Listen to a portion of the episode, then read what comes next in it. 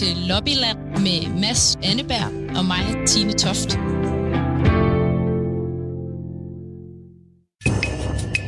Coronavirus spreder sig ekstremt hurtigt. We will be successful if we work together. Fra i morgen, der lukker de danske grænser. The lack of solidarity, we will be reminded by the Italians. We are all in this moment Italians. Ja, velkommen til øh, denne særudsendelse af øh, Lobbyland, øh, som jo er helt speciel og også en lille smule underlig, øh, fordi at vi jo sender, øh, mens du er øh, i Bruxelles, øh, Mads, og jeg står her, og det er lidt øh, nogle coronatider. Øh, og... Ja, det skal jeg lov for, at det er. Altså, øh, vi så jo sidst hinanden øh, for en uges tid siden øh, ude foran, øh, foran Peter Gift i Aarhus, øh, sådan en bar, og øh, det hele det, det eskalerede lidt efter, efter det pressemøde der i onsdags, øh, hvor Mette Frederiksen, hun øh, fik os alle sammen overbevist om, at nu er det alvor. Og så, øh, så tog jeg til Bruxelles, og du, ja, hvad har du lavet i mellemtiden? Øhm, jeg har sådan set bare arbejdet på vores morgenflade, øh, hvor vi jo har sendt øh, ekstraordinære programmer i hele weekenden og om aftenen. Øh, men det er lidt specielt det der med, at du bare tog til Bruxelles, og øh, vi har talt om det i løbet af ugen, at du på en eller anden måde øh, rejst en lille smule øh, tilbage i tiden. Øh, jeg ved ikke, hvordan du har oplevet det, men herhjemmefra, så det eneste, man har lagt mærke til, det er jo bare, hvor forskelligt øh, EU-landene har håndteret det her. Og du rejste ja. direkte fra Mette Frederiksens pressemøde øh, til øh, Belgien. Ja, du kan sige, i den øh, form for, for, for brænder, som vi ligesom havde fået opbygget der, der købte jeg jo en flybillet øh, dagen efter. Købte du den Bruxelles. egentlig ikke også øh, klokken 1 om natten? Jo, jo, klokken kvart over 1 om natten. Men det var en god beslutning. Ja. Øh, Uden tvivl. Du kommer dog aldrig tilbage til, til Danmark. Nej, nej, Eller i hvert fald i et godt jeg... stykke tid, så bliver du nok nødt til at blive der. Ja, ja. Så vi må se, hvordan det går med det. Men altså, øh, men det er rigtigt. Det er totalt en tidsmaskine, øh, som vi er ude i lige nu. Altså, jeg kom herned på et tidspunkt, hvor landet faktisk ikke var blevet lukket ned i samme grad som, øh, som i Danmark. Øh, og det vil sige, at jeg kunne, jeg kunne lige skrive til min kæreste, som, som bor hernede, øh, prøv lige at gå ud og bare lige stille og roligt, bare lige købe øh, du ved, et, par, et par fødevarer og sådan noget, bare lige så vi har til et par dage. Øh, altså fordi du simpelthen behøver... kunne se, at lige om lidt, så begynder ja. folk at hamstre, så ja, Belgien lidt, er altså- bagud, altså... så nu må du hellere gå ind ned og præ-hamstre. ja, det kunne godt kalde det præhamster, eller bare købe ind, altså det, det vil jeg jo kalde det. Mm. Øh, men det var i hvert fald, at det viste sig at være cirka et døgn, som Belgien var bagud på det her tidspunkt, altså fordi de samme, øh, øh, hvad skal man sige, udmeldinger begyndte så at komme her også, og det blev faktisk endda endnu værre, øh, eller endnu strammere, altså at øh, barne lukkede ned, caféerne lukkede ned. Øh, jeg var på en, på en bar øh, natten mellem fredag og lørdag, da de alle sammen lukkede ned, og det er jo, det er jo fuldstændig forfærdeligt, det er jo utænkeligt i sådan et land som Belgien, fordi Øh, dels så laver de så god øl, at, at det er jo noget, man ligesom er nødt til at drikke øh, øh, på en bar, ikke? Og, og, og dels så er det bare et, et sted, hvor lidt ligesom med englænderne, tror jeg, man kan sige, at, at folk de mødes øh, efter arbejde og har det, har det hyggeligt sammen. Øh, så, så det jo noget af en omvæltning. Og nu er der jo faktisk sket det, at Belgien er kørt totalt fremad i, i, i tidsmaskinen her i forhold til Danmark, fordi lige her for en time siden, der gik landet i såkaldt lockdown, altså hvor man ikke må gå altså ud Altså undtagelsestilstand nærmest? Ja, det kan du godt kalde det. Altså, det er sådan lidt, lidt det samme som det, man har set i nogle andre europæiske lande, hvor det slår, slår slemt til. Ikke? Altså, øh, sådan noget med, at der er en håndfuld godkendte årsager til, at du skal forlade dit hjem. Øh, og, og, og, og ellers som udgangspunkt, så holder man sig indendør øh, hos sig selv. Men så kommer vi jo også lidt til, øh, hvor du er lige nu, fordi altså, jeg kan fortælle herinde på radioen, øh, hvor jeg står, der øh, er det nærmest mennesketomt. Øh, jeg er her. Øh, jeg kan se, at vores direktør faktisk går lige nu og øh, gør rent øh, og spritter af for de få mennesker, der har været, og så sidder Jonas ude i regien og, og hjælper os. Men ellers er der rigtig tomt. Men hvor er det, du er lige nu? Har du husket at spritte af? Og... Ja, det er simpelthen ikke andet end sprit. Altså, jeg tror, altså, jeg har en helt dunk her, som jeg nærmest har brugt halvdelen af. Øhm, men hvor er du henne? Jeg, jeg, jeg, jeg var faktisk... Øh, jeg, jeg, jeg købte noget sprit i, i lufthavnen, før jeg kom herned, og det viste sig, at det var nærmest øh, det var sådan en guldgruppe. Øh, det kunne jeg have tjent mange penge på at importere, fordi de har ikke haft sprit i Belgien i, i en uges tid eller sådan noget. Øh, men altså, men jeg, jeg er jo så øh, faktisk gået øh, for, for en par timer siden hen til Europaparlamentet, som jo ligger her i, i Bruxelles. Øh, og der gik jeg jo, altså før det her lockdown trådte i kraft, fordi det trådte i kraft til middag, Øh, og der kom jeg så forbi, altså du ved, det er faktisk det er en skide flot dag i dag i Belgien, øh, sådan 15 grader, fuld sol, øh, og, og folk sad ude på, på pladser og nød det og sådan noget. Øh, og man må gå ud fra, at når jeg går tilbage samme vej, så er folk ligesom øh, væk. Men, men nu må vi jo se, hvordan folk, øh, folk tager det. Ja, det da vi lidt... talte i telefon, der lød du nærmest også, som om det var din sidste solstråle. Jamen, det er bare sådan meget, øh, det var meget sådan en konfliktfyldt følelse, det her med, at, at nu, nu er det forår, kan man, det kan man virkelig mærke, ikke? Øh, og samtidig så skal vi alle sammen bare sidde derhjemme og kigge ind i en væg. Så øh, det, det er lidt en underlig oplevelse, synes jeg. Men, øh, men jeg er også kommet ind i Europaparlamentet, hvor jeg, hvor jeg står nu, og hvor der er helt øh, forladt. Altså, man kan sige, der går, der går nogle, nogle folk rundt, nogle, nogle rengøringsfolk, nogle, nogle, der går og spritter af, og, og sådan lidt af hvert, men der sker ingenting. Mm. Øh, fordi man lukkede jo Europaparlamentet ned, altså øh, i sidste uge, efter at, at alt det her corona, det, det ligesom begyndte at eskalere. Øh, og mm. det skal vi mm. så snakke om senere, hvad det betyder at man har, at man har lukket Europaparlamentet. Ja, okay. Så du sidder i et nærmest tomt Europaparlament i Belgien, som er gået fra at være øh, bagud i forhold til Danmark til nu at have et udgangsforbud. Øhm, og det er lige præcis det, vi skal tale om i dag. Øhm, og det skal vi jo, fordi at hele ugen øh, siden i onsdags, hvor det gik op for os alle sammen med Mette Frederiksens øh, pressemøde, hvor alvorligt det er, så er det simpelthen rullet op fra Italien. Han sagde, gør alt, hvad I kan nu. Gør alt, hvad I kan nu, for ikke at ende i den situation, som vi har i Norditalien, og som nu breder sig til andre regioner i Italien. Ja, det her det er bare et klip fra vores sundhedsminister Magnus Heunicke, som gjorde indtryk på mig øh, tidligere på ugen, hvor han altså taler om, hvordan den italienske sundhedsminister har advaret ham. Og Italien er bare et af de lande i Europa, der er vast ramt af smitten. Øhm, og det kommer vi til at tale meget mere om. Vi skal stille direkte om øh, her lidt senere til den mest øh, øh ramte region i Italien. Og det er jo det, vi har talt om hele ugen, det er, at vi står om noget med et grænseoverskridende problem i EU. Og det er jo noget af det, vi taler om i programmet her. Det er ikke bare, hvad, hvad Danmark øh, får ud af EU, men også, hvad kan vi bruge det til? Og vi har talt om hele ugen, hvorfor er det, vi ser øh, landene håndtere det her så forskelligt? Har EU svigtet, eller hvor er det, vi er henne, når vi netop står med et grænseoverskridende problem, og samtidig ser, at landene, øh, som du bare lige har fortalt med Belgien, øh, agerer så forskelligt? Ja, det er det. Altså, øh, og det håber vi, vi kan komme ind på øh, hvad skal man sige, i løbet af det program her, som vi jo har sat sammen også lidt øh, ad hoc, fordi tingene ja. udvikler sig ret hurtigt, og fordi vi står to forskellige steder. Og øh, altså, øh, en af de ting, jeg har gjort i løbet af ugen her, det er, at jeg har talt med øh, Margrethe Vestager. Jeg tror, vi har måske et lille klip også øh, på noget, vi kommer ind på senere. Vi har ikke som sådan øh, en masse kompetencer på det her område, men øh, den bliver så at sige skabt i øjeblikket, fordi alle ser, hvor vigtigt det er at koordinere og gøre tingene i samklang. Ja, vi skal høre interviewet ja. her med Margrethe Vestager, som du har lavet lidt senere, øh, altså øh, den danske kommissær. Og vi vil prøve at give jer svar på forskellige ting øh, i øh, de her 55 minutter, øh, vi har. Men... Vi vil prøve at tale om... Ja, hvad vil du sige? Jeg vil bare sige, udover at vi vil prøve at give svar, så vil vi jo faktisk også stille spørgsmål. Ja, det kommer vi til. Nu må du lige vente to sekunder. Øh, det er sådan, at det, når man står i studiet, så har man mere magt over, hvilken rækkefølge det er.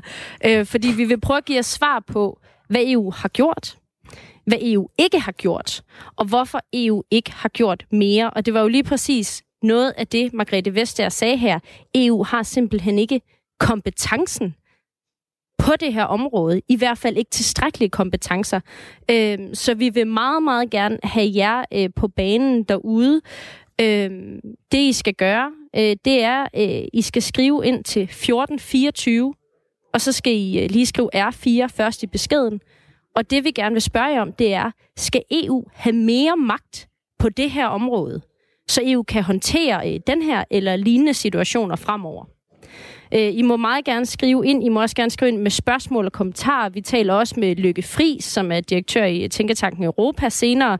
Og igen, så skal I altså skrive ind til 1424. I skal skrive R4 øh, i starten af beskeden, og så håber vi, at øh, I vil følge med på det her, øh, ja, den her særudsendelse af Lobbyland, hvor vi altså prøver at finde ud af, hvad EU's rolle er i, øh, i den her coronakrise.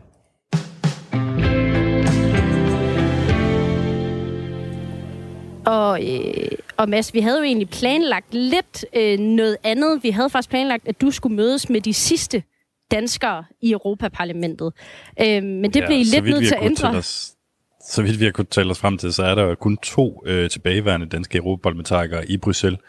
Øh, og det er altså Kira Marie Peter Hansen fra SF og Pernille Weiss fra øh, De Konservative. Og så tænkte vi jo, okay, øh, det lyder faktisk som et, øh, hvad skal man sige, øh, som et helt genialt øh, element i, i sådan en lockdown-episode, som, øh, som vi har gang i her, og ligesom bare øh, komme kom ud og få fat i dem. Øh, og, og man kan sige, de arbejder jo også hjemmefra i de her dage, øh, og faktisk så bor jeg rimelig tæt på der, hvor Pernille Weiss, hun bor nede i Bruxelles, og jeg havde bare sådan, du ved, forestillet mig det hele, og hvordan det lige skulle fungere. Øh, og så ringer jeg til øh, Pernille Weiss, og så viser det sig, at, øh, at hun har formentlig øh, coronavirus. Øh, så, så den måtte vi ligesom lige prøve at hive lidt i land igen. Mm. Øh, og derudover så skulle Kira Marie Peter Hansen øh, simpelthen øh, holde et meget vigtigt møde, øh, mens vi sender her. Så mm. vi har prøvet at finde noget, der er, er næsten lige så godt, og det er altså, at lige om et par minutter, der har vi øh, Pernille Weiss med på en fuldstændig coronafri øh, Thailand-forbindelse, øh, såkaldt. Det er lige ved, ligesom jeg faktisk har, har tror, at, øh, at hun er med os nu. Pernille, kan du høre os? Jamen, jeg har lyttet til jer de sidste par minutter. Det lyder godt. jeg er med. Det er jo øh, simpelthen den måde, det bliver nødt til at foregå nu. Øh, pressemøder, interviews, øh, alt hvad der ellers er. Så det er godt, du er med os øh, på en linje. Øh, Pernille Weiss, altså øh, det danske øh, konservative medlem af øh, Europaparlamentet. Øh, hvor er du lige nu? Jeg sidder øh, indendør. Jeg har siddet lidt ude i solen her i øh, formiddags, men nu er jeg så gået ind, øh, så fuglen ikke øh, blander sig for meget i den her snak, vi skal have. Øh, så jeg er i min lejlighed øh, i Excel, øh, som kvarteret hedder, i det hus, hvor Karl Marx engang boede. Øh, og så sidder jeg ved spisebordet med alle mine papirer, og iPad'en, og computeren, og telefonen, og med ryggen til min spinningcykel, som øh, mm. er den måde, jeg får motion på i øjeblikket, øh, hvor jeg er i selvvalgt karantæne, fordi det er ganske rigtigt, jeg fandt ud af fredag lørdag, at jeg nok har en, øh, en mulighed for i hvert fald at øh, have en aktiv covid øh, i min krop. Så derfor så har jeg taget alle forholdsregler og holdt mig på lang afstand af andre mennesker øh, indtil nu, og bliver ved med at gøre det, øh, indtil der er gået fra nu af 48 timer. Øh, fordi jeg følger de danske øh, sundhedsmyndigheders øh, grundige øh, og dygtige vejledning i, hvordan man skal opføre sig, hvis man øh, er usikker på, om man har det, at man mm. så i virkeligheden går med livrem og seler og behandler sig selv som om, at ja, det har jeg faktisk. Og så er mm. der jo mm. ikke nogen grund til at spille dumsmart og begive sig ud med noget, man tror bare er en snotnæse, men i virkeligheden øh, spreder en masse smitte. Så jeg sidder her. Øh, de sætter øh, stor pris på, at du øh, er med her, øh, Pernille Weiss, og vi skal jo snakke lidt med dig om, hvad er det egentlig, Europaparlamentet kan lige nu øh, i det her program, hvor vi taler om, hvad EU kan i det hele taget. Øh, hmm. kan, kan Europaparlamentet træffe nogen som helst beslutninger lige nu? Ikke i den her uge, fordi øh, for cirka 12-13 dage siden så meddelte Øh, øh, ledelsen af parlamentet, at øh, man erklærede denne her kalenderuge for en hvid uge. Og når det er en hvid uge, så sker der ingenting. Øh, det er nærmest på niveau med, øh, med en ferie. Øh, det er på niveau med dagene imellem øh, jul og nytår. Øh, så der sker ingenting. Øh, du får heller ikke dækket dine øh, omkostninger, hvis du, hvis du har det i forbindelse med at skulle rejse ned og mødes med dine medarbejdere, eller hvad det nu kan være. En hvid uge, det er en vi arbejder ikke uge. Mm. Og øh, Pernille, ved du, altså, øh, bliver du opdateret løbende på, hvornår I kan komme til at, at træffe beslutninger igen i øh, Europaparlamentet? Øh, ja, øh, og, og man sige, det er en information, der er sådan til at overskue, fordi der har ikke været særlig meget information om, hvornår og hvordan skal vi så i gang igen. Øh, der har hele tiden, dengang øh, den hvide uge blev annonceret, været en antydning af, at øh, så skal vi i gang igen i nu her næste uge, men præcis hvordan arbejdet det kommer til at foregå, det har der ikke været øh, nogen beskrivelse af. Min partigruppe har så siden fredag i sidste uge presset på for, at vi skal da selvfølgelig have en, øh, en plenar, som det hedder, altså en afstemningsmulighed i øh, Europaparlamentet allersenest på onsdag, hvor vi øh, gør det, vi skal gøre, sådan så at øh, de vigtigste beslutninger, som kræver parlamentets inddragelse, at de selvfølgelig sker i næste uge, når de nu desværre ikke øh, kan ske øh, i denne her uge, fordi der som sige, sagt er erklæret hvide uge. Problemet for, for Europaparlamentet lige nu er jo, at man skal være fysisk til stede i Bruxelles, i parlamentet, øh, sådan som, som reglerne er, er skruet sammen på nuværende mm. tidspunkt, for at, kunne, mm. for at kunne stemme, for at kunne beslutte noget.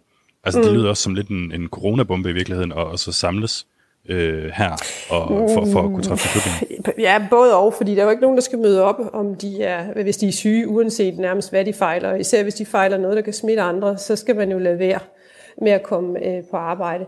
Øh, øh, vi kunne jo godt for 12 dage siden, i stedet for at erklære, at den her uge er en hvid uge, hvor der ingenting sker, så kunne øh, præsidenten for, for parlamentet i stedet for at have spurgt ud, hey, jer der er i Bruxelles, vil I ikke godt lige blive i Bruxelles? Og jer, der er hjemme i jeres lande, enten på grund af coronaen eller af andre årsager, vil I ikke også godt lige sige, at I er der? Fordi så kan vi få overblik over, hvem er i byen, og hvem er på afstand. Øh, også for så at kunne tilrettelægge, øh, hvordan bruger vi så denne her uge, som så blev hvid, til eventuelt noget andet og mere praktisk politisk. Mm. Det havde jeg gerne set, fordi så på den måde havde vi haft overblik over, hvem er i nærheden af parlamentet og ville under jagttagelse af alle hygiejniske forskrifter og uden selvfølgelig at møde op, øh, hvis man er aktivt øh, covid-19 ramt, øh, så kunne vi have været i beredskab øh, for at tage de beslutninger, som, som der skal til. Altså der, kommissionen har jo fundet øh, 37 milliarder på tværs af nogle fonde, og, og vil nu sende dem til øh, alle Europas øh, lidende, øh, nødlidende små og mellemstore virksomheder. Øh, men for at det kan gøres, så skal Europaparlamentet med ind og, og vedtage det. Det ville jeg jo meget, meget, meget gerne have haft, at vi kunne have gjort i denne her uge sådan så at øh, landene rundt omkring i EU, som knokler på at holde rumpen op på, øh, på, på virksomheder i alle mulige størrelser, de også vidste, at nu er den her hjælp også på vej og en del af, af nødhjælpen. Mm. Øhm, yep. Ja, og Mads, du får lov at stille spørgsmål. Okay, sorry. Ja, det er svært, de her digitale øh, tider, ikke? Men altså, øh, jeg, jeg vil bare lige spørge dig, fordi du, du er fuldstændig ret i, at den hjælpepakke, som, som du taler om der, og som vi også nok skal vende tilbage til senere i programmet, den, den skal jo igennem. Men hvad, hvad siger det om EU, at, øh, at helt lavpraktisk, så, så kan det ikke lade sig gøre? Altså, det, har, har man bare glemt at tage, tage højde for det her? Jamen, ved, ved du, hvad jeg mener? At, at nu, nu, nu står ja, man og, og er fuldstændig handlingslammet. Ja, men jeg kan tro godt, hvad du mener, øh, og jeg har jo højlydt delt mine frustrationer over, at, øh, at parlamentet på den måde ikke er til stede og hjælper til, øh, når øh, kommissionen og det europæiske råd med statsministerne, de sagtens kan finde ud af at mødes næsten flere gange om dagen, øh, i hvert fald øh, på, på, på afstand via de digitale værktøjer, at vi så simpelthen ikke er der. Men også, at vi skaber den situation, at rigtig mange af vores kollegaer er taget hjem til eget land, Øh, også fordi der gik rygter om, ah, men det kommer til at tage lang tid, før parlamentet nogensinde skal mødes igen. Og jeg bare har det sådan lidt, what? Altså, vi laver jo ikke kun europaparlamentarisk øh, arbejde, når det er, når det er nemt. Vi skal jo da i høj grad også kunne gøre det, være, være de stemmer, som vi har fået, øh, øh, være aktive for dem øh, i tider med, øh, med krise. Øh, så jeg synes, det siger, at, at EU øh, stadigvæk er, er en velfungerende øh, familie og forening, fordi kommissionen og det europæiske råd øh, øh, er i arbejdstøjet, men vi mangler det tredje ben, om jeg så må sige, øh, i form af Europaparlamentet, som jo er øh, borgernes direkte stemme. øh, ind i, øh, i demokratiets øh, maskinrum, som selvfølgelig også kører, øh, selvom vi står øh, med udfordringer. Og lige helt kort, Pernille Weiss, hvad er det aller værste, der kan ske, hvis øh, du som europaparlamentariker ikke kan lovgive nu her, som du så gerne vil? Jamen, jeg ved, at jeg godt kan øh, i næste uge. Altså, der kan faktisk være nærmest ned til fem eller mindre øh, til stede, så længe at præsidenten han øh, er med på, at, øh, at det er en gyldig forsamling. Altså, øh, Men så er der jo ikke øh, noget problem. Undersøgt... Altså, så kan I jo godt. Ja, og derfor så ville vi også godt have mm. kunnet i den her uge. Det er i virkeligheden det, der er min pointe. Ja, det er, at man ikke øh, har ageret tidsnok. Ja. Øh, det er jo også noget af det, vi taler om videre øh, i dag, Pernille Weiss. Øh, vi har blandt andet øh, spurgt lytterne, om de faktisk mener, at EU bør have flere kompetencer på det her mm. område. Mm. Og der er nogen, der har skrevet ind til 1424. De har skrevet mm. R4 først i beskeden. Øhm, og der er en, der øh, skriver, øh, det er Søren Hansen fra Svendborg. Øh, Vestager sagde, at EU manglede kompetencer på området. Hvordan skulle det hjælpe på det hele og give EU mere magt? Mener du, øh, Pernille Weiss, at EU burde have flere kompetencer på det område? Nej, øh, det mener jeg bestemt ikke er nødvendigt. Øh, vi har øh, i den her krise set, hvor vigtigt det er, at øh, vi har nogle meget, meget øh, velfungerende nationalstater, som er i direkte dialog på deres eget sprog med deres eget sundhedsvæsen til befolkningen, så det virker i det enkelte land. Øh, jeg har Margrethe Vestager mistænkt for, at det siger hun, fordi hun også er liberalist. Øh, det er jo et kendt synspunkt hos det radikale venstre, gerne vil have mere union. Men i forhold til det konkrete udfordring, vi står med, så er det, vi har brug for, at EU øh, kan mere af, det er at blive bedre til at have lagre af det, vi kommer til at mangle i sådan nogle situationer, men okay. også at have en kommunikationsplan og en aktionsplan for, hvordan er det, EU hjælper dem, der, øh, der kommer til at stå i ekstraordinære knibe. Vi okay. må ikke tage ansvaret fra den No. Jeg er helt med på det. Det er simpelthen, no, fordi okay. vi også skal direkte til uh, Italien, Pernille Weiss. Men tusind tak, fordi du var med her i programmet direkte hjemmefra, med fra Bruxelles, ja. som en af de sidste danske politikere dernede. Mange tak for det, og god arbejdsløs med det, når nu kan lade sig gøre dernede. Ja, men i lige måde, at passe godt på jer selv, og husk at gøre, hvad dronningen og uh, Sten Brostrøm han siger. Yes, hej hej. Hej.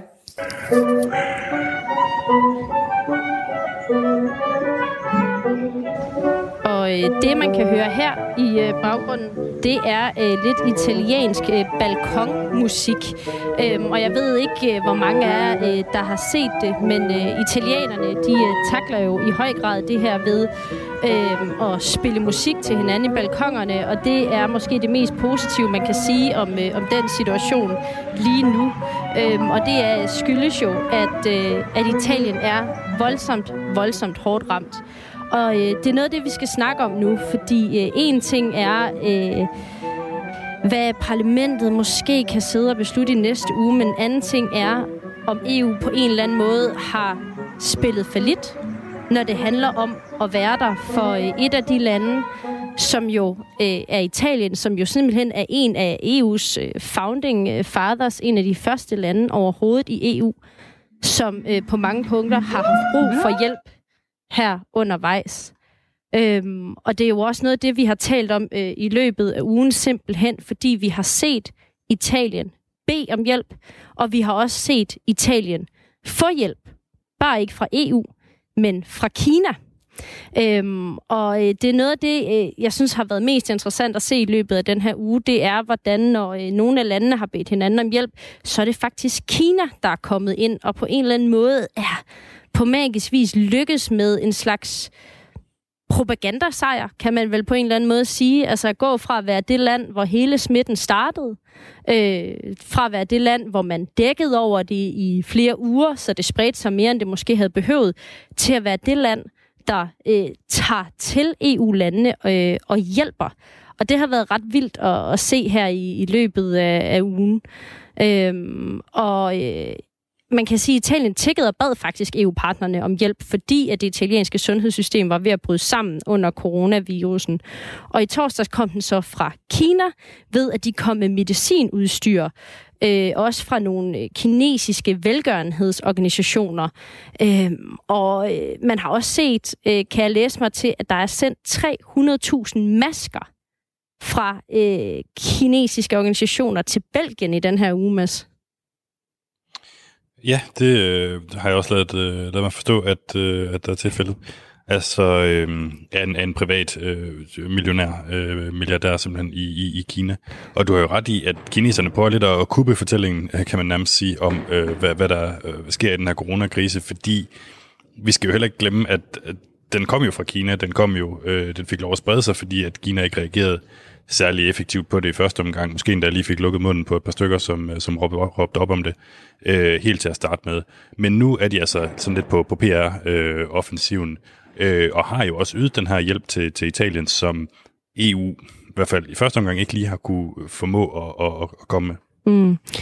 Og, øh, og det, altså, det er ret interessant også, at man kan se, at at, øh, at Kina på en eller anden måde renser sit image, øh, og det sker egentlig også i Sydafrika mange andre steder, hvor Kina simpelthen kommer ind øh, og hjælper. Øh, og vi taler jo øh, her i programmet om, øh, hvad det egentlig er, EU's rolle øh, er i forhold til den krise, vi står i. Øhm, og jeg har personligt tænkt, at det måske på nogle punkter viser, at EU nogle gange ikke er øh, mere eller mindre end summen af de nationalstater, øh, som, som i første omgang passer på egne borgere og måske kan blive enige om nogle enkelte ting. Øhm, og der er stadig flere, der har skrevet ind på 1424 øh, og har skrevet R4 først i beskeden i forhold til, om EU bør have flere kompetencer på det her område, så EU kan gøre mere, for eksempel for at koordinere, hvornår man lukker grænserne, eller skolerne, eller hvad der sker med sundhedssystemet. Øhm, og der er en, øh, som har skrevet ind med et spørgsmål, som vi kan tage med videre øh, senere, også til Lykke Friis, det er Niels Grøngård, øh, som skriver, jeg undrer mig meget over, at EU-kommissionen langt inde i forløbet talte imod lukning af grænserne, øh, og i stedet henviste til, at man skulle screene indrejsende for corona virus. Altså at EU øh, langt hen var imod det her. Øh, det er øh, et spørgsmål, jeg tror også du er inde på det med Margrethe Vestager, som vi skal øh, tale med senere. Øh, og man kan altså skrive ind igen til 1424. Øh, men inden vi lige øh, stiller om direkte til Italien, Mads, er der så stadig absolut ingen mennesker nede i Europaparlamentet, hvor du sidder? der er i hvert fald, øh, om der går øh, folk frem og tilbage. Jeg ved ikke, øh, det, det, er jo, det er jo renovationsmedarbejdere og øh, folk, som i hvert fald ikke øh, er på vej ind og stemme øh, om, om noget som helst. Altså, øh, der, der er totalt lukket ned. Jeg, jeg spurgte dem også ned i security faktisk om, jamen, nu, nu går Belgien i lockdown og sådan noget. Skal I ikke... Øh, skulle I ikke også lukke, eller sådan, jeg ved slet ikke, hvorfor jeg ja. kunne komme ind i det hele taget. Øh, men de sagde sådan, ja ja, de, vi venter på at få en e-mail fra, fra, fra nogen, øh, indtil videre, der kører vi bare. Vi venter på øh, at få som, en e-mail.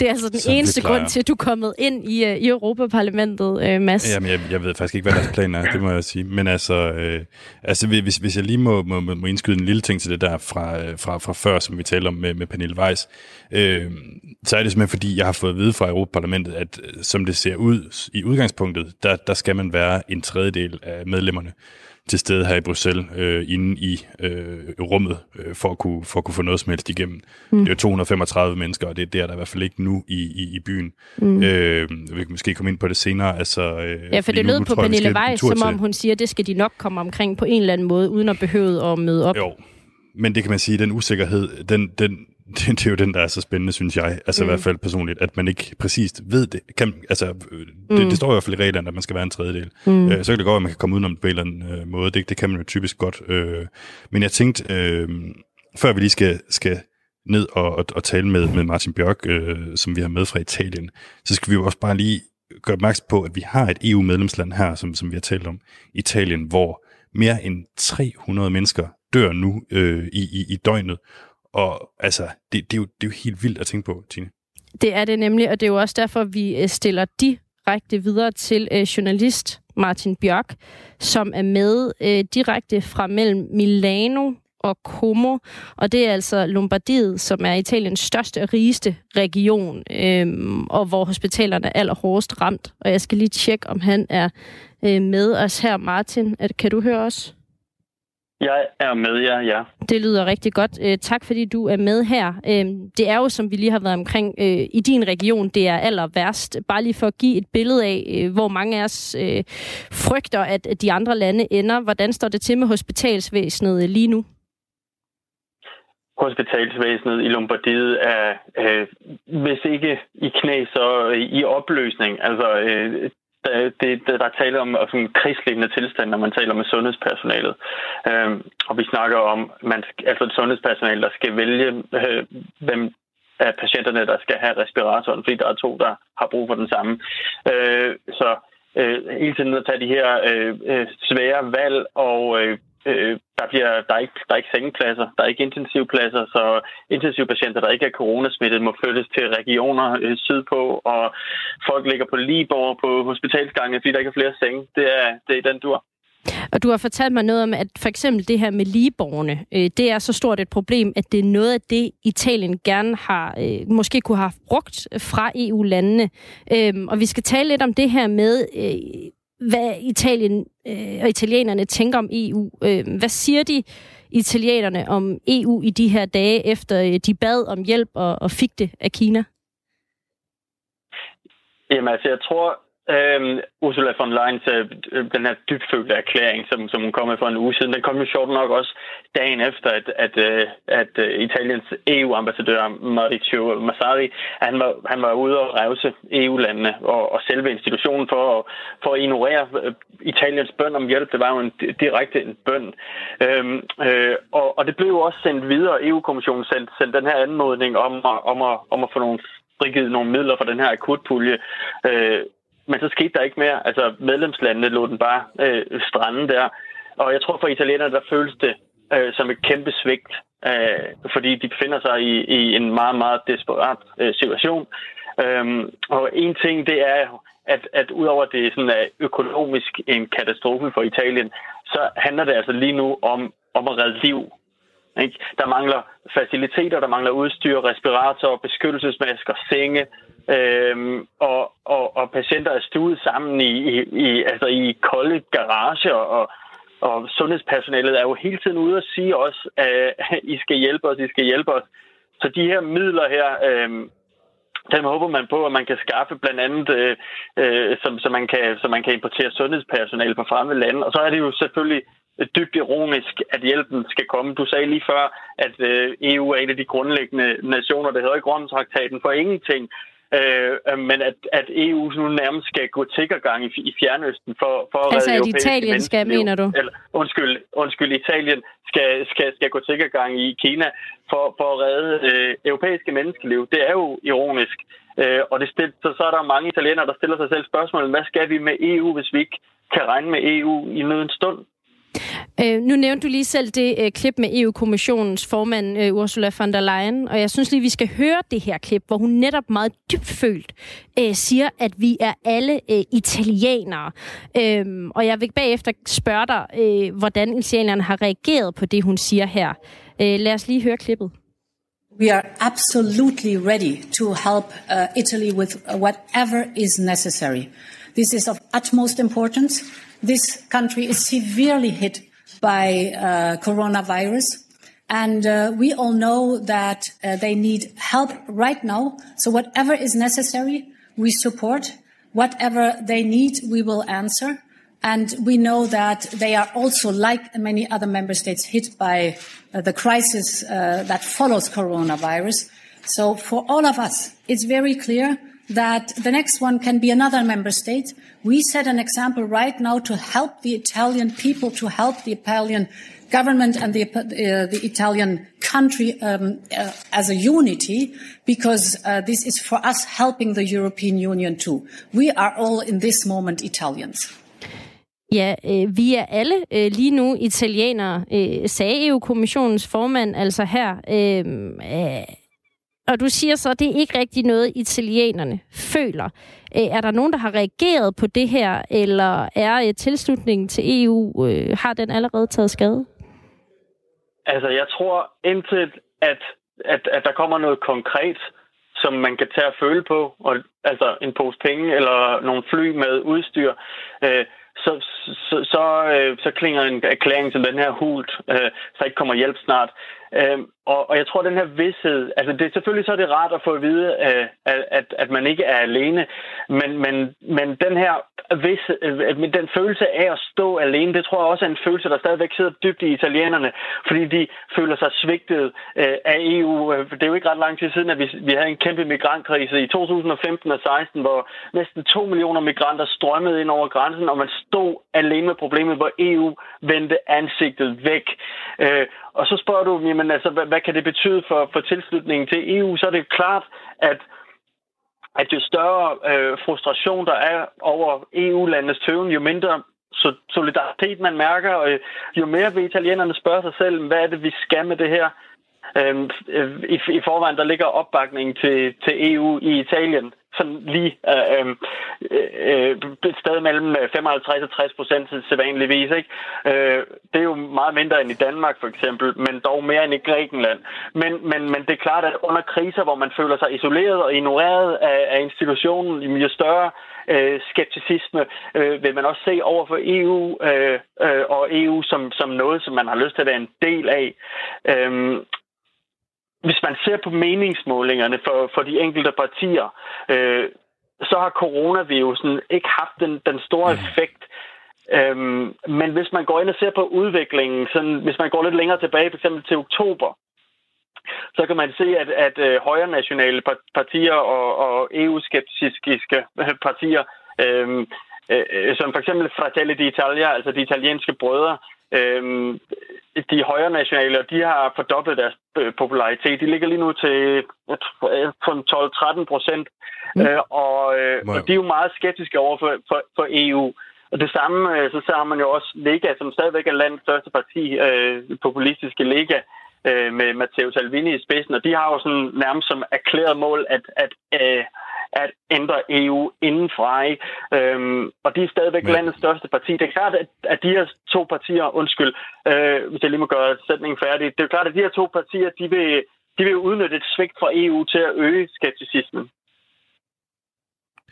Okay, øh, hvad hedder det, øh, før vi lige runder af her, øh, Martin, jeg, jeg skal simpelthen bare lige spørge dig, øh, jeg, jeg tror det er noget, som folk sidder også og, og tænker lidt på øh, i, i resten af Europa.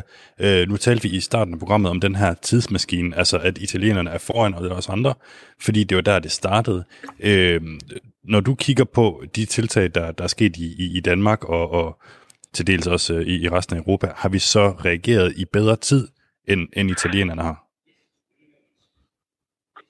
Øh, det er det, det, det er et spørgsmål, øh, der, der vi vil få svar på, når, når, når vi begynder at se øh, uh, intensive patienter fordoble og fordoble og fordoble. Kan, uh, kan sundhedsvæsenet klare det? Uh, jeg synes, det er nogle bekymrende tal fra Danmark, fordi at, at kurven, den er, den, som du siger, det er, vi er lige nogle uger bagefter i Danmark, uh, hvor Italien, er, hvis, altså Italien har jo også et utroligt velfungerende sundhedsvæsen. De rangerer jo nummer to på verdensranglisten over sundhedsvæsener, øh, og, og, og Danmark rangerer 34. Øh, så, så, så jeg ville håbe, at, at øh, de danske politikere de ser på de tiltag, der er gjort i Italien, og kraftigt overvejer, om de skal gøre noget, som er lige så øh, ekstremt, øh, som for eksempel hele nedlukninger øh, og forbud mod at færdes ude. Øhm, personligt så øh, har jeg, jeg har talt med, med, med et par sundhedseksperter i dag også, der har kommenteret på, på det her tiltag med øh, en forsamlingsfrihed på, der, på 10 mennesker. Altså, det er jo det, det er der mange, der synes er mærkeligt her. Øh, fordi at 10 mennesker, en mand kan så gå videre til et selskab, hvor der sidder ni andre og smitte videre. Altså, på den måde så inddæmmer man ikke smitten det er sådan en, en, en lidt en halv løsning, er der mange, der mener her i Italien, og de, det, det, det jeg hører, når jeg taler med folk. Så, så det vil vise sig, om, om, om mm. Danmark har, øh, har, har, har taget de, de rigtige skridt. Martin Bjørk, øh, tak for øh, den øh, sidste også analyse her, øh, øh, som jo også er noget, vi diskuterer meget herhjemme, nemlig skal der tages andre midler i brug? Gør vi det rigtige? Tak for det billede øh, ind i øh, den mest ramte region i Italien øh, med direkte fra Milano. Tak fordi du var med her. Velbekomme.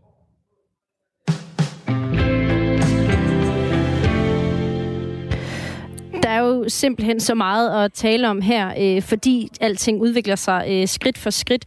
Og det vi øh, lige skal nå at høre nu, øh, som jeg også har glædet mig til, det er jo øh, et interview med Margrethe Vestager, øh, som øh, du har lavet, Mads. Og øh, så vidt jeg husker, lavede du det faktisk øh, dagen lige inden Danmark lukkede grænserne.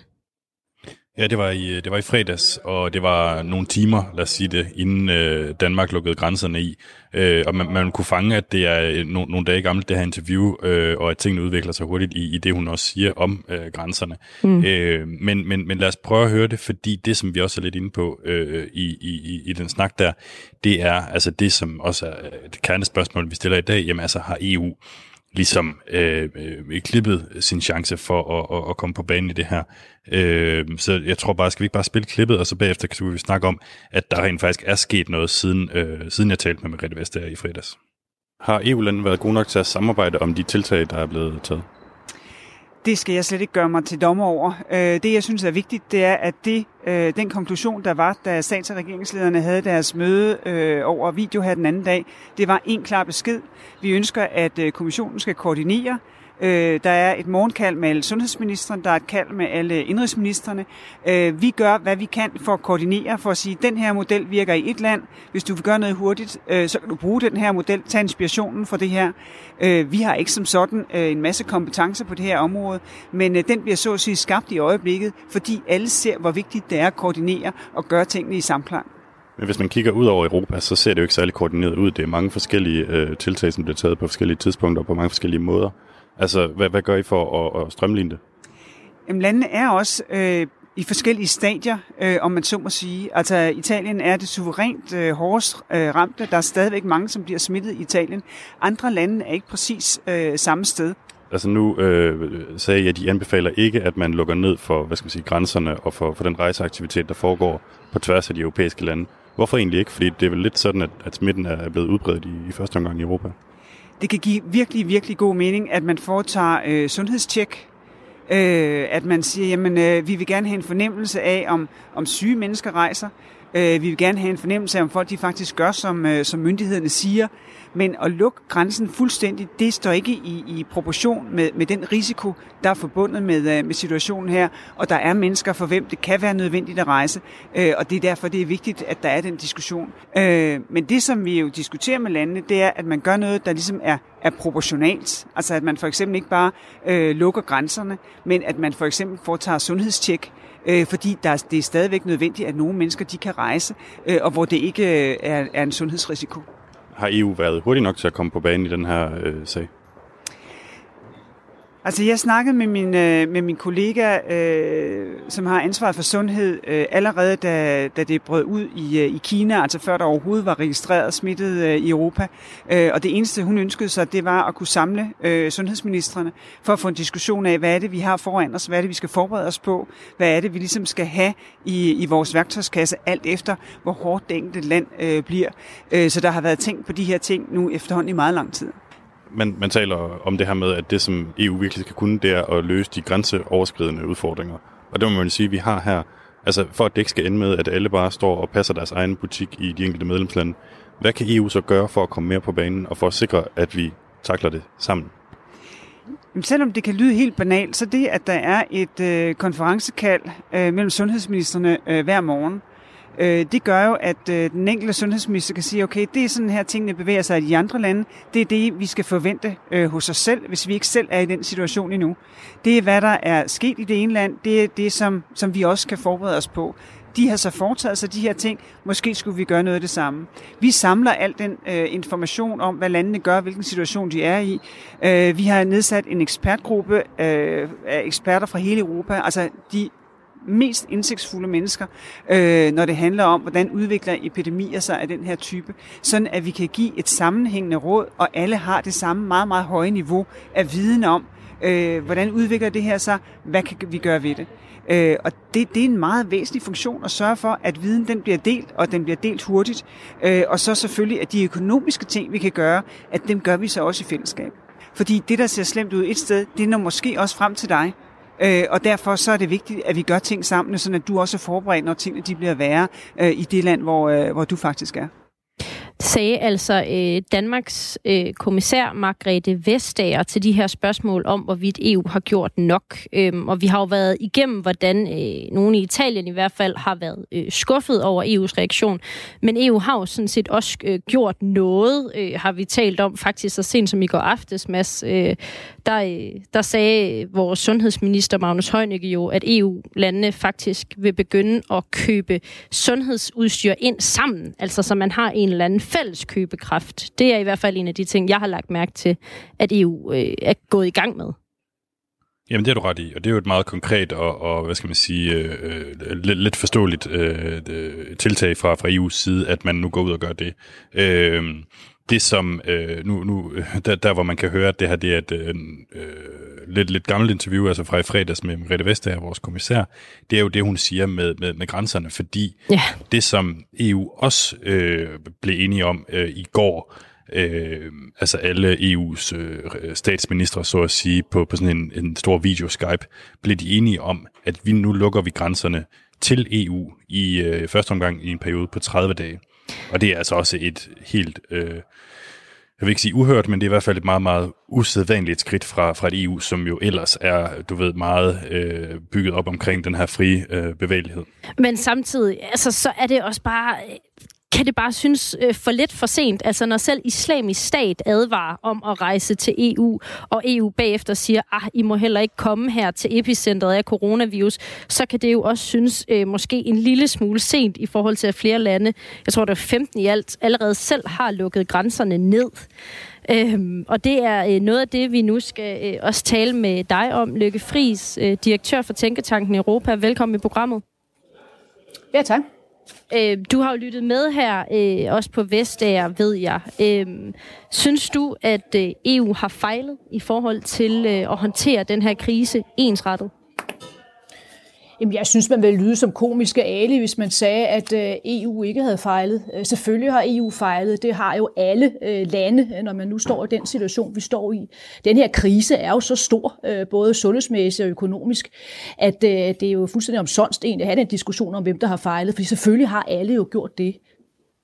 Og noget af det, jeg godt kunne tænke mig at spørge dig om, det er, når vi taler om, altså Margrethe Vest er inde på det her, hun siger, prøv at der er også nogle områder her, hvor EU ikke har kompetencen, hvor det stadig er medlemsstaterne, der har kompetencen til at bestemme de her ting. Øhm, helt konkret, hvad er det for nogle kompetencer, EU ikke har til at styre det her mere ensrettet?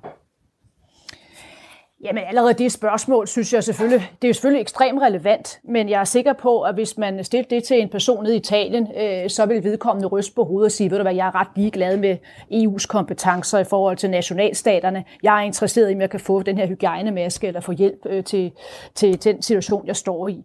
Så, så det skal jo ikke lyde som nogen dårlig undskyldning. Det kommer det bare meget hurtigt til at gøre, når man diskuterer mm. EU's kompetencer. Men pointen er bare, at nej, EU har jo ikke kompetencer på det sundhedsmæssige område. EU har heller ikke kompetence til at lukke skoler eller til at skulle udråbe ud, udgangsforbud. Altså tag Tyskland som eksempel, som jeg jo selvfølgelig følger meget intenst. Jamen der har man jo haft øh, en situation, hvor delstaterne, fordi det er delstaternes kompetence, har skulle afgøre det her øh, hver, hver for sig. Så på den måde, øh, så spiller det naturligvis en rolle med hensyn til, til EU's kompetence. Men jeg tror egentlig, noget, der er mere afgørende, det er, når man befinder sig i sådan nogle krisesituationer, så er det jo bare et urinstinkt for, ja, for os alle sammen at prøve at redde os selv, men selvfølgelig også for en stats- og regeringschef at gøre alt, hvad vedkommende kan for at redde sin egen befolkning. Og derfor er det for mig at se jo egentlig meget naturligt, at vi har set de her nationale handlinger. Problemet er jo så bare, at de udløser også nogle dominoeffekter imellem landene, og nu ser vi jo så også øh, konsekvensen ved, at der jo lige pt, mens vi taler, er en, en 60 km lang grænse, så øh, jo så det øh, kø undskyld, øh, mm. mellem, øh, ved, ved, grænsen mellem Polen øh, og, og Tyskland, og det er jo altså også med sig til noget, der kan gå hen og blive humanitært uforsvarligt. Mm. Jeg tror, jeg så, at det var øh, Italiens øh, premierminister, der til det her Skype-topmøde, som Mads nævnte i går, havde advaret om, at det her kan blive en socioøkonomisk tsunami over EU, fordi der er så mange bieffekter af det, der sker. Æm, øhm, og du, øh, du siger også selv, at du har fulgt med i Tyskland. Nu har du været Berlinskes Tysklands korrespondent, og nu er du så øh, direktør i, øh, i Tænketanken øh, Europa. Øhm, Lykke Friis, øh, hvis EU havde haft flere kompetencer, kunne EU så have gjort mere så det ikke bare var hver medlemsstat for sig selv? Øh, princippet ja, altså, men, men det afhænger jo også af, hvor hurtigt man så havde erkendt den her øh, krise. Og der må man jo bare sige, at øh, jeg er da helt sikker på, at Margrethe Vestager har 100% ret, når hun siger, at der allerede har været møder, og man kunne jo også, hvis man havde haft øh, mere kompetence på det her sundhedsmæssige område, jo så måske være kommet tidligere i gang med hele diskussionen omkring, hvordan vi håndterer coronavirus. Men det er jo altså spekulation, må man jo bare sige, og det afgørende er vel nu at fokusere på, hvad gør EU her og nu? Og der må man sige, der lykkes det jo så, som jeg også var inde på, at blive enige om så at få den her fælles øh, eksterne grænsekontrol. Og jeg minder altså bare om, at det vi ser i øjeblikket jo også er problematisk, og det er jo derfor, det har været et dilemma hele vejen igennem, fordi når man lukker grænserne, som man nu har gjort, jo så øh, og indført den her interne grænsekontrol, så opstår der jo de her køer. Altså hvad har du tænkt dig egentlig, at øh, man skal gøre i Luxembourg, når man klart får at vide går på topmødet, at 60 procent af dem, der arbejder i Luxembourgs sundhedssektor, jamen de bor jo i et andet land. Altså det er jo nogle helt, helt konkrete, lavpraktiske ting, man bliver nødt til at håndtere. Og derfor er det jo afgørende, at man så overholder de fælles spilleregler, man nu er blevet enige om, som er, der skal selvfølgelig være grønne korridorer, altså så man altså kan sende varer, medicin, men jo også, at befolkningen som sådan kan komme fra det ene EU-land til det andet. Ellers kan det her jo altså også få nogle ja, store øh, konsekvenser, også når man ser på, på de enkelte lande, der så nærmest bliver lukket ude. Mm. Men øhm. Lykke, nu, nu byder jeg lige ind her fra, fra Bruxelles af. Altså det for, nu, nu nævner du det her med, øh, med, med de tiltag, som bliver taget på europæisk niveau nu. Øh, kan, kan man ikke godt sige, at de skulle være taget noget før? Altså man kan sige, det her med indkøb af respiratorer, det sker på et tidspunkt, mm. hvor, hvor hospitalsvæsenet i Italien er, er, er under kæmpe, kæmpe pres. Øh, det med grænserne, det sker på et tidspunkt, hvor folk ikke rigtig har lyst til at rejse til Europa alligevel. Altså er, er vi ikke kommet for sent ud af, af starthunderne, om ikke andet? Øh, jo, men det startede jo også med at sige, alt det andet vil da være komisk ærlig at, gøre, og, og påstå det. Selvfølgelig er man der kommet for sent ud. Selvfølgelig er EU kommet for sent ud. Selvfølgelig er så også nationalstaterne kommet for sent ud. Ja, nu gælder det bare om, øh, i stedet for at kaste en lang debat om, hvem der har gjort hvad, øh, og få håndteret det her på den bedst tænkelige måde. Og der må man sige, der er det jo afgørende nu med styr øh, på, de, på de eksterne grænser, men så undgå, at det giver problemer ved de, ved de interne grænser. At EU formåede jo så rent faktisk også så at overtale franskmændene og tyskerne til at droppe deres øh, eksportforbud jo så til italienerne. Nu har man så lavet et fælles udbud, som jo så også gør, at Danmark jo så får gavn af det her fælles udbud ved at få indkøbt respiratorer osv. Øh, man har jo også fået gjort det, at man nu også har fået diskuteret selvfølgelig så kommet klart i seng omkring den økonomiske politik, der er jo ekstremt afgørende med, at alle jo også EU siger whatever it takes, så der man kan jo sige, at ja, man er kommet for sent ud, man har næsten også lignet en person missing in action, øh, og det kan man jo komme med alle mulige forklaringer på. Jeg synes bare, det afgørende er ligesom, at man fokuserer på at få løst øh, helt den akutte situation, man befinder sig i. Øh, Lykke Friis, øh, her til sidst, øh, så har jeg et spørgsmål netop om EU's beskyttelse af de ydre grænser. Fordi der er en mm. video, jeg har set igen og igen, og det er øh, Serbiens præsident, øh, ja. som fortæller, hvor hårdt det kan være at stå uden for EU's ydre grænser. Øh, og øh, vi kan lige høre et lille klip med ham her. Shvatili ste da velika međunarodna solidarnost u stvari ne postoji. Evropska solidarnost ne postoji. Det er jo på serbisk, øh, men han siger, øh, mm. international solidaritet øh, eksisterer ikke, europæisk solidaritet eksisterer ikke, og i et meget langt klip, som nærmest virker som en perfekt propagandavideo fra Kina, mm. så siger han, min eneste bror og ven, det er øh, Xi Jinping fra Kina. Det er kun Kina, der kan hjælpe os. EU har lukket af, så vi ikke kan få noget udstyr. Kina vil hjælpe os. Hvad kommer det her til at betyde for EU-projektet og drømmen om Europa, øh, hvor man ellers altid prøver at trække de her lande som Serbien tættere på os? Ja, men det er jo en af de øh, dominoeffekter, øh, som man kan øh, i øjeblikket jo, jo se, øh, at der er en dominobrik, der vil vælte der, altså EU's mulighed for så også at, at fremstå som, en, øh, som det, det samarbejde, der kan hjælpe øh, også i, i nødens stund her. Selvfølgelig skal vi have med, at der jo altså også er noget kinesisk propaganda i det her, som du antyder. Men det er jo de dilemmaer, man står i. Altså, man må jo sige, at EU har jo virkelig været nødt til så at hitte ud af, hvordan får man lavet det her fælles udbud, øh, for på den måde så at, at beskytte sin befolkning. Og ligesom øh, jeg startede med at sige, at nationalstater, og det vil sige jo stats- og regeringschefer, har det her urinstinkt med at, at redde sig selv først, jamen så, når man står i den her situation, som EU er i, jamen så er man selvfølgelig også satset på, så først og fremmest at få lavet det der udbud, så man kan få de her så videre øh, hjem til EU-borgere. Så håber jeg selvfølgelig så, at der så også er overskud mm. til så også at, at tænke over, hvordan man kan hjælpe EU's umiddelbare naboer, som selvfølgelig så bliver, bliver negativt påvirket af det her. Øh, tak fordi du var med øh, her i programmet, øh, Lykke Fris, altså direktør for Tænketanken Europa. Selv tak. Pas godt på jer selv. Ja, lige måde. Øhm, og med de ord, øh, så øh, kommer vi jo bare et skridt nærmere på, hvad er det øh, for en historie, vi kommer til at skrive om EU, når vi forhåbentlig kommer over på den anden side af det her. Jeg er ret spændt på, om vi kommer til at se tilbage øh, på EU-projektet som noget, der på en eller anden måde smuldret lidt øh, imellem hænderne på os, eller om det Lykke Friis talte om til sidst her, altså at vi kan gå sammen om at kaste en masse penge i at købe respiratorer og masker rundt i verden, det kan være med til at lave en anden fortælling. Øh, men det sætter godt nok noget på spil, når vi har et EU, der har overlevet Brexit og flygtningekriser og finanskrise, og så er det måske coronaen, der ender med virkelig at tippe nogle af de grænser for, hvad projektet kan. Ja, man kan sige, at coronaen foregår øh, også bare i et andet tempo, altså i et mm. tempo, som EU måske ikke er vant til. Altså, her plejer der jo ligesom at være øh, tre år mellem, mellem det første forslag og, og det endelige punktum, ikke? Ja. Øh, og, og corona-udviklingen, det, det, er jo, det er jo dag til dag. Øh, så, Mads, så det, det har, bliver øh, spændende. Ja, vi har få sekunder øh, tilbage af dagens program. Det har været øh, meget specielt at, at sende på den her måde, det må jeg bare sige. Og det sidste spørgsmål til dig er jo, Mads, du kommer jo ud af Europaparlamentet nu. Der er udgangsforbud, når du kommer ud. Er der ikke? Jo, det er der. Så du skal bare finde hjem på en eller anden måde, og så må du ikke gå udenfor de næste, hvor mange dage? Ja, men jeg, jeg, jeg må jo godt gå udenfor, hvis jeg skal ud og købe ind, eller hvis jeg skal, du ved, sådan en, en lille række andre ting, så okay. må ikke, jeg bare skal gå ned og købe ind. Okay, det bliver de sidste ord øh, her fra Lobbyland. Tak fordi I lyttede med øh, til den her særudsendelse af vores program. Tak for i dag.